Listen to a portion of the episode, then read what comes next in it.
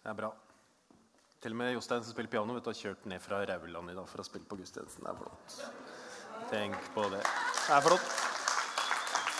Du, eh, vi starter en ny serie i dag som vi skal ha i tre uker. Som da vi har kalt da, fortsettelsen Kristen 2019.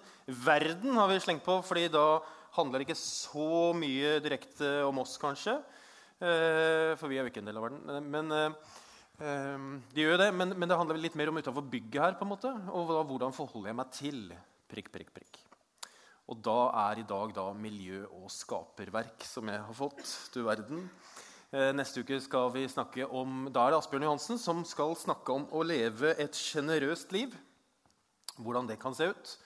Og så skal jeg da om 14 dager igjen snakke om tro og arbeid den 20. oktober. Um, og, eller kanskje en litt sånn teologi for arbeid. kanskje. Det tror jeg blir fint. Og da skal vi også ha troende opp, så da er det jo bare å møte opp. Det blir fint. Men miljø og skaperverk har jeg da fått. Og det Eller tatt. Eh, det var ingen andre som ville ha det.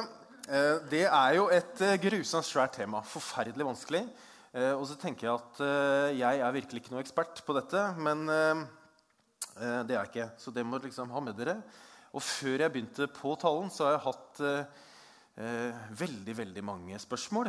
Fordi når man skriver en tale, så, så, starter man jo ikke når man skriver. Man starter jo lenge før det. Ukevis på forhånd.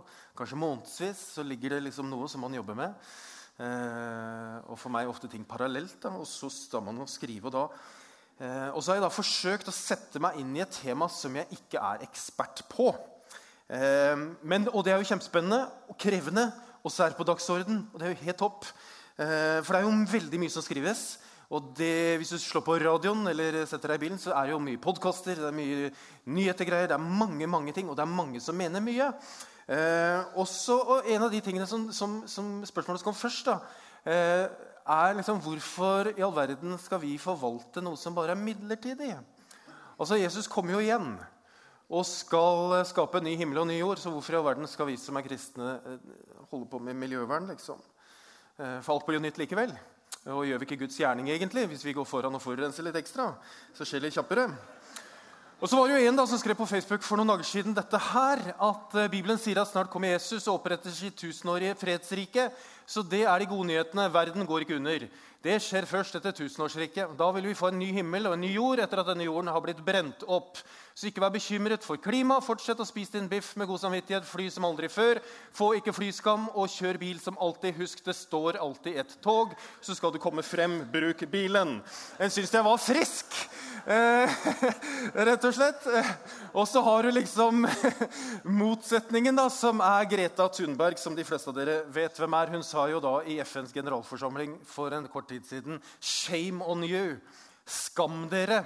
Dere tenker bare på eventyret om evig økonomisk vekst, mens vi ser at verden går mot akopalypse.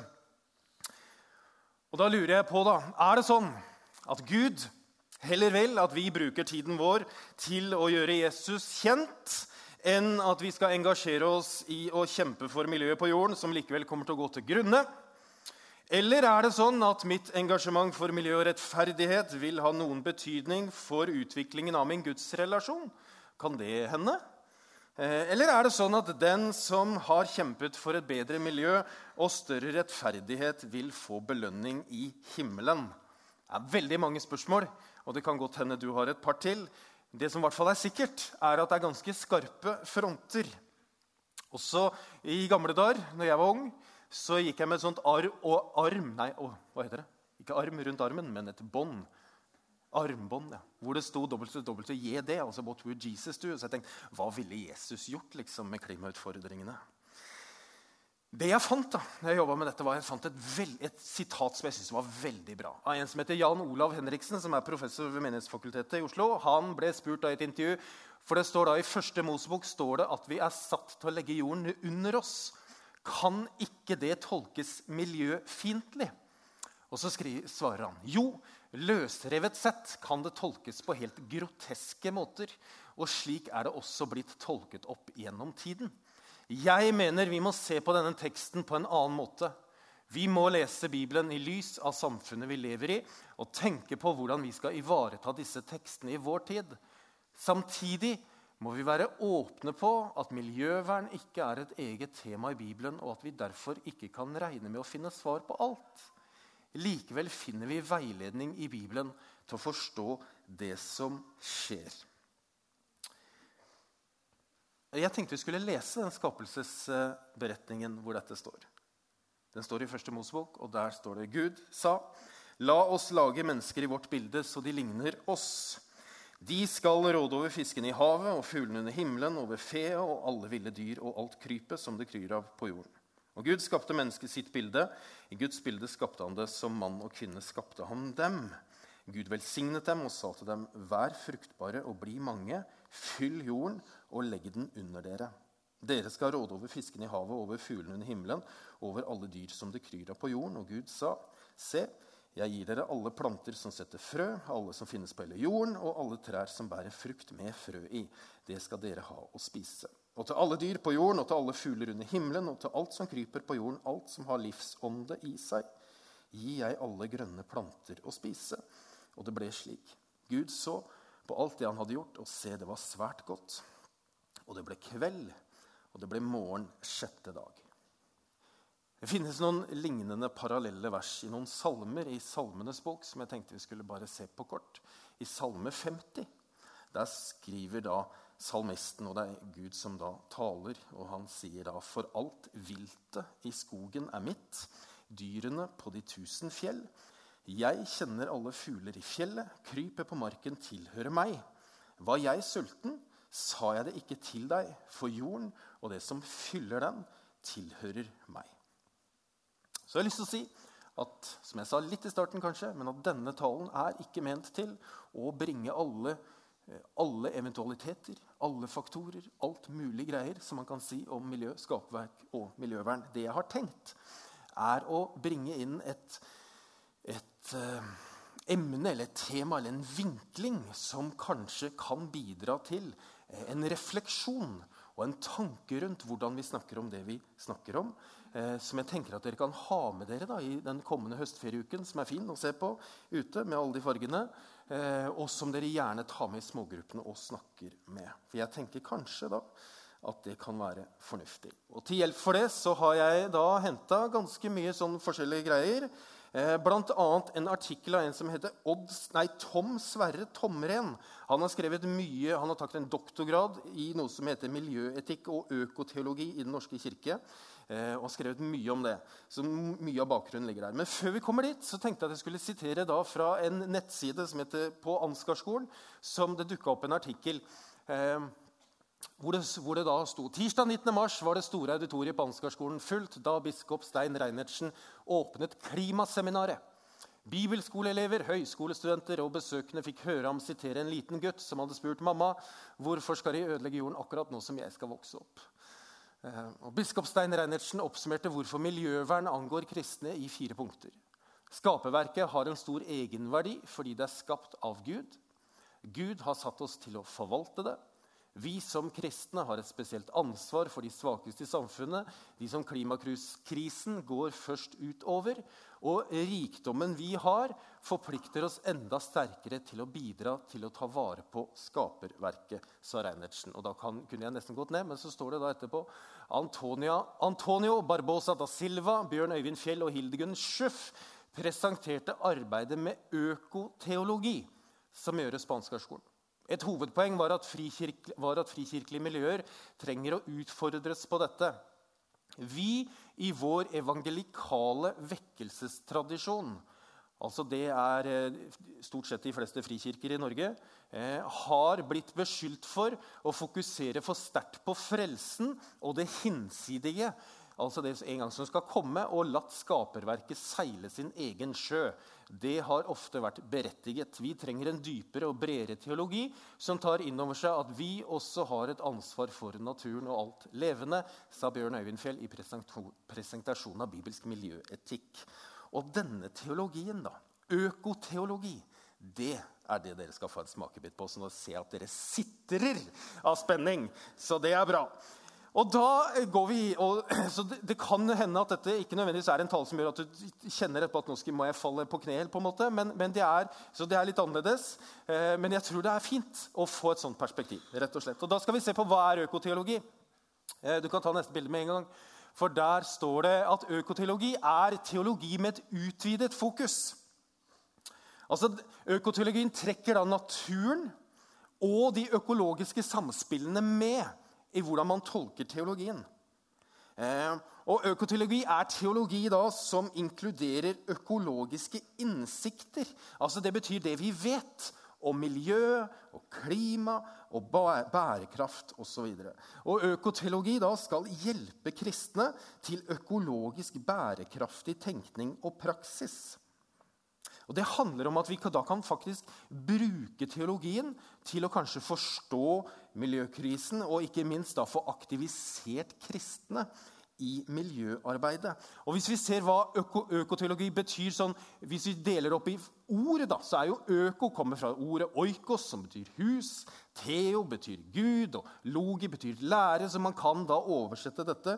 Så økoteologi som læren om Guds hus, hvor Guds hus eh, er forstått som hele skaperverket. Hvis du tenker nå, dette er noe nytt, dette er noe det er funnet på nå det er blitt miljøkrise, vet du, så handler, så på, I 1969, tror jeg, 1967 så var det en amerikaner ved navn Lynn White som skrev et sånt essay. Eh, og Han argumenterte noe heftig for at roten til mye av miljøproblemene i verden var et hovmod overfor naturen i kristen vestlig tradisjon.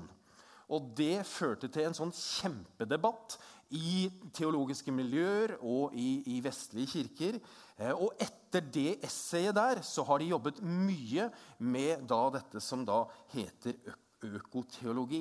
Eh, spesielt på 60-tallet 70-tallet og spesielt nå de siste årene så har det kommet masse ny forskning og gjort masse arbeid på dette som gjør at vi som kristne kan få et annet perspektiv på miljø og skaperverk enn at Jesus en dag kommer igjen og skal skape alt nytt. Og i Norge da, så kuliminerte dette egentlig i 2007, hvor Den norske kirke hadde et kirkemøte som egentlig bare hadde ett tema, og det var grønn teologi og økoteologi. Så vet du det.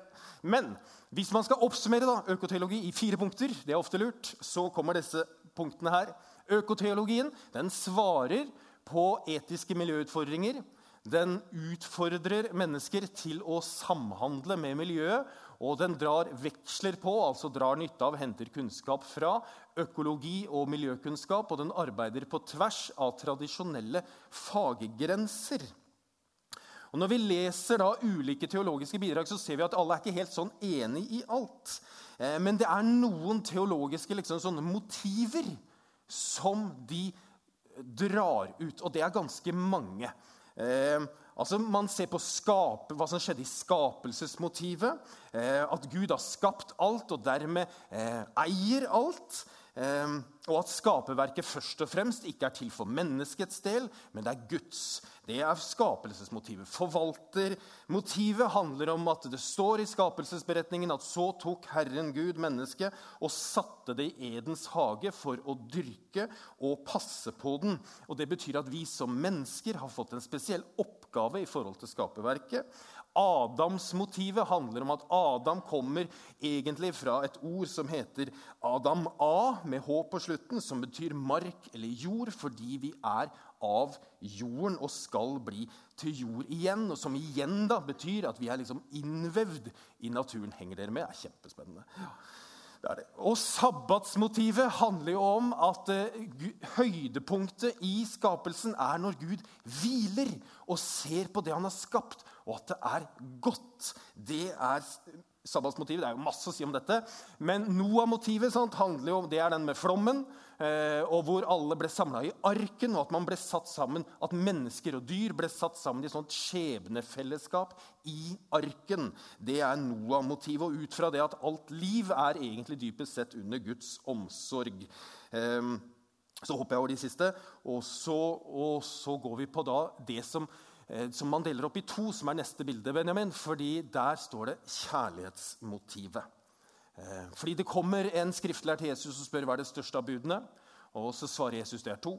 Eh, Og det er at du skal elske Herren din Gud av hele ditt hjerte, av hele din sjel, av all din kraft og all din forstand, og din neste som deg selv. Og så er jo spørsmålet da hvem er vår neste? Den ene retningen i det spørsmålet handler om at vår neste er vår nabo, alle mennesker. Og da, dermed at hvis vi ødelegger naturen, så ødelegger vi jo også for andre mennesker, vår neste, både i dag, men også for fremtidige generasjoner. Og Den andre retningen i vår neste handler jo da om at vi utvider perspektivet for nesten. At det også kan være dyr, skapninger, skaperverket. At det også er vår neste. Skal man lure på, Står det noe mer da, i Nytestamentet om det liksom, for å argumentere for dette? Og da sier Paulus da, i det vi kaller da forsoningsmotivet. I Kolossebrevet 1 så står det ved ham, altså ved Jesus, ville Gud forsone alt med seg selv. Det som er på jorden, og det som er i himmelen, da han skapte fred ved hans blod på korset. Paulus skriver altså at når Gud, når Jesus døde på korset, så forsonte han alt med seg selv. På jorden. Alt på jorden. Og det må jo bety da ikke bare oss, men hele skaperverket. Og Dette kommer jeg litt tilbake til, så du må bare holde, liksom, holde deg fast i spenningen. For da er punktet at mennesket lever på jorden i samspill med naturen. Altså Vi eksisterer jo her, det vet vi jo, i samspill med naturen. Og Nå skal jeg igjen da prøve meg på noe som jeg ikke er ekspert på, men som jeg lærte i naturfagen på videregående. Og det er at jorden består jo av et økosystem. Kan dere nikke hvis dere henger med? Det er et økosystem. Dette økosystemet det er jo lukka. Sant? For det er jordens økosystem mm, innafor jorden. Også vår kropp da, er jo bygd opp av materie som sirkulerer i dette økosystemet. Det henger med. Og Økosystemet består av en organisk del og en uorganisk del. Og så beveger det seg mellom vann, luft og biosfære, sier vi på pent. Og så er det da et utall med kretsløp som forbinder den organiske delen med den uorganiske delen. Hvis du detter av, så er det bare å spille på mobilen. det er greit. Men, og materien i mennesket da, er ikke noe unntak. For det er jo en kontinuerlig sånn utveksling av alle disse greiene. Karbonkretsløp og vannets Det er masse greier. Eh, og så er det sånn at Menneskekroppen skifter jo eh, celler og bytter ut hele tiden. Det er jo sånn at I løpet av et år så blir jo 98% av alle molekyler i kroppen blir bytta ut. I løpet av tre måneder så er alt innholdet i blodet bytta ut. Og hver måned så er alle cellene i huden fornyet. Og denne prosessen her skjer jo automatisk ved utpust og innpust, gjennom å spise og drikke og gjennom at vi går på do. Så enkelt er det. Det skjer hele tiden. Og hvorfor sier jeg dette? For det betyr jo det at vi som mennesker er helt sånn grunnleggende i samspill med resten av naturen. Altså Det er jo som en sånn sirkel. Det går rundt, for det vi får ut av oss, det går jo ned i jorden. Og så, og så blir det skapt planter, og, og, dyr får mat, og så spiser vi de dyrene, og så går det ut igjen. og så er Det ikke sant? Det er dette samspillet, denne sirkelen.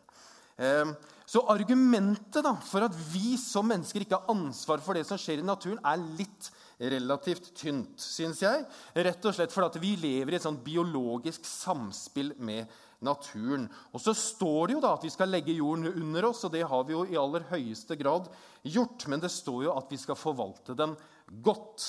Men hvordan skal vi da forholde oss til miljø og skaperverk som kristne i 2019? Og nå kommer jeg tilbake til det jeg sa jeg skulle komme tilbake til. Og da skal vi starte i frelseshistorien. Fordi Bakgrunnen for frelseshistorien, altså det at Jesus kom til verden og ble født, og, eh, er jo syndefallet. Og Dette syndefallet det førte til at hele jorden ble infisert av syndefallet. Ehm, og så gir Bibelen oss løfter om at en gang så skal dette gjenopprettes, og alt skal bli bra en gang. Vi finner masse tekster om det. Og så finner vi også en del tekster, bl.a. i Jesaja 65, som taler om at det kommende fredsriket, altså det riket som en gang skal komme, eh, skal omfatte alle jordens folkeslag og alle levende arter. Og Da betyr jo det at dette blir jo en ny tidsalder. Ikke bare for oss, men for hele skaperverket. Og Så skriver da Paulus det som jeg skrev i stad, men litt mer om at det var Guds vilje å la hele sin fylde ta bolig i ham.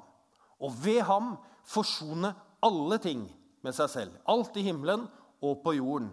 Da han skapte fred ved hans blod for korset. På korset. Og så tenker jeg, Når jeg leser dette, så gir det meg mulighet til å få et nytt perspektiv. Egentlig å se en litt sånn logisk sammenheng mellom det at Gud ble menneske, det om hans døde oppstandelse og løftet om en ny himmel og en ny jord. I Johannes 1 så står det jo det at ordet ble menneske. På den greske grunnteksten så står det ordrett at ordet ble kjøtt. Eh, og ordet refererer jo til Jesus. Og hva betyr det?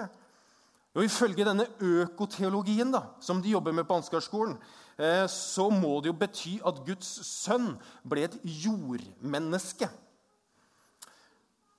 Fordi Jesus ble jo menneske gjennom jordens byggesteiner. Gjennom karbohydrater og oksygen fra plantenes fotosyntese. Han levde jo som et menneske, som et biologisk vesen. Han ble kledd i kjøtt, står det. Ordet ble kjøtt. Han ble menneske. Og det vil jo også si da, at Jesus han ga jo sitt bidrag av organisk materiale tilbake til jordens kretsløp. Han svetta, han gikk på do, han blødde. Kroppsvæsker gikk tilbake til jorden. Og vi kan jo Hadde vi hatt liksom verdens beste mikroskop, så kunne vi sikkert funnet dem på et eller annet måte.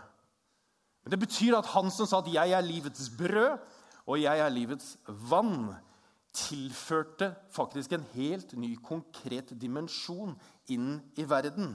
At jorden er fysisk merka med Jesu kropp. Er ikke dette spennende, dere? Yes, det er det.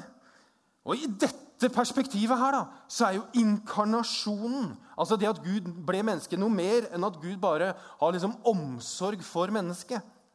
Det er jo at han identifiserer seg med hele sitt skaperverk, med hele biosfæren. Det var en sånn økomesse i Nidarosdomen i 2001, og da var daværende biskop Finn Vagle Han pekte på da korset, og så sa han vi har korsfestet jorden. Og Det kan jo hende at han talte billedlig, men det illustrerer egentlig hele det økoteologiske poenget som kommer her. At Jesu komme, altså at han kom til jorden, handler ikke bare om at han ble menneskets bror. Det handler også om at han ble en bror av jorden. Jesu korsfestelse var en stedfortredende korsfestelse for hele jorden for hele jorden. Og Hvis vi skal trekke det ett hakk til, da Når Jesus reiste opp til himmelen, hva skjedde da? Jo, da hadde han jo fortsatt en kropp når han reiste opp og satte seg ved Guds høyre side. En kropp av jordisk substans.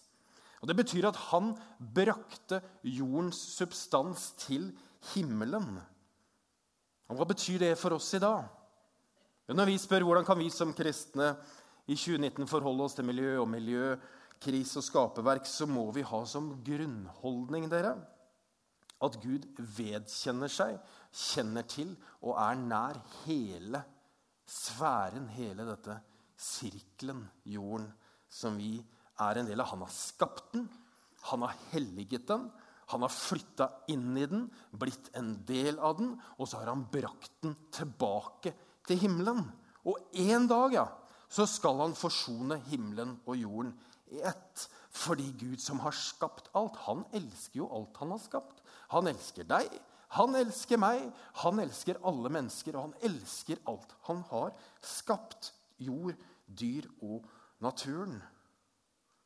Og så tenker jeg at Vi som ønsker å være etterfølgere av Jesus, vi som er kalt å elske vår neste Kanskje vi skal utvide dette neste begrepet at det ikke bare handler om folk, men det handler også om annet. Og I møte med en klimakrise, skal vi da være passive, eller skal vi være aktive? Skal vi formidle håp? Og skal vi inspirere til en handlekraft? Det er et magasin som heter Klimarettferdighet, som det står er et magasin om tro, teologi og klima. Og I 2013 så var det en som heter Paul Erik Virgenes, som da var leder for en styringsgruppe eh, til et prosjekt Skaperkraft og bærekraft i Den norske kirke. Han er nå generalsekretær i Bibelselskapet, de som har gitt oss Bibelen 2011. Han sa dette at for hver gang vi snakker om klimaendringene og skader på verdens miljø, er situasjonen mer alvorlig enn sist vi snakket om det. Så sier han det er tid for mer enn å synge et Kyrie eleison og be et Fader vår. Det er tid for at Guds folk over hele jorden reiser seg og tar ansvar. Og med det sitatet så skal jeg la det være med det. Skal jeg la dere sitte, sitte igjen med det, rett og slett. Um, ja. Det er tid for at Guds folk over hele jorden reiser seg og tar ansvar. Og så håper jeg at du tar dette temaet med deg til de du møter.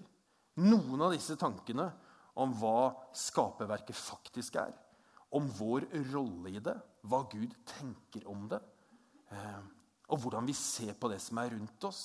Og ikke bare drømmer om den gangen, den gangen, i fremtiden som Gud skal skape alt på nytt. Så da kan vi bare forurense alt vi vil.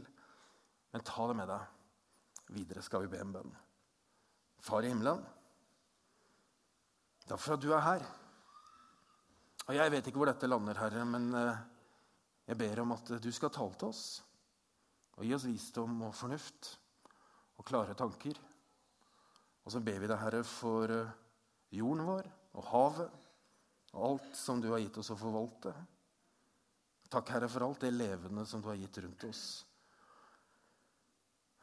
For fisker og dyr og planter og alt sammen. Herre, jeg opplever et behov for at vi kommer til deg og med all vår skyld for alt vi ødelegger, eh, for alt vi forvalter dårlig, for eh, den fordelingen av ressursene i verden som, eh, som, vi forvalter på en dårlig måte. Hjelp oss, Herre, til å gjøre det godt igjen. Ta vare på hverandre og på alt som du har gitt oss. Gi oss hjelp til det, og gi oss modige stemmer. Eh, I Jesu navn. Amen.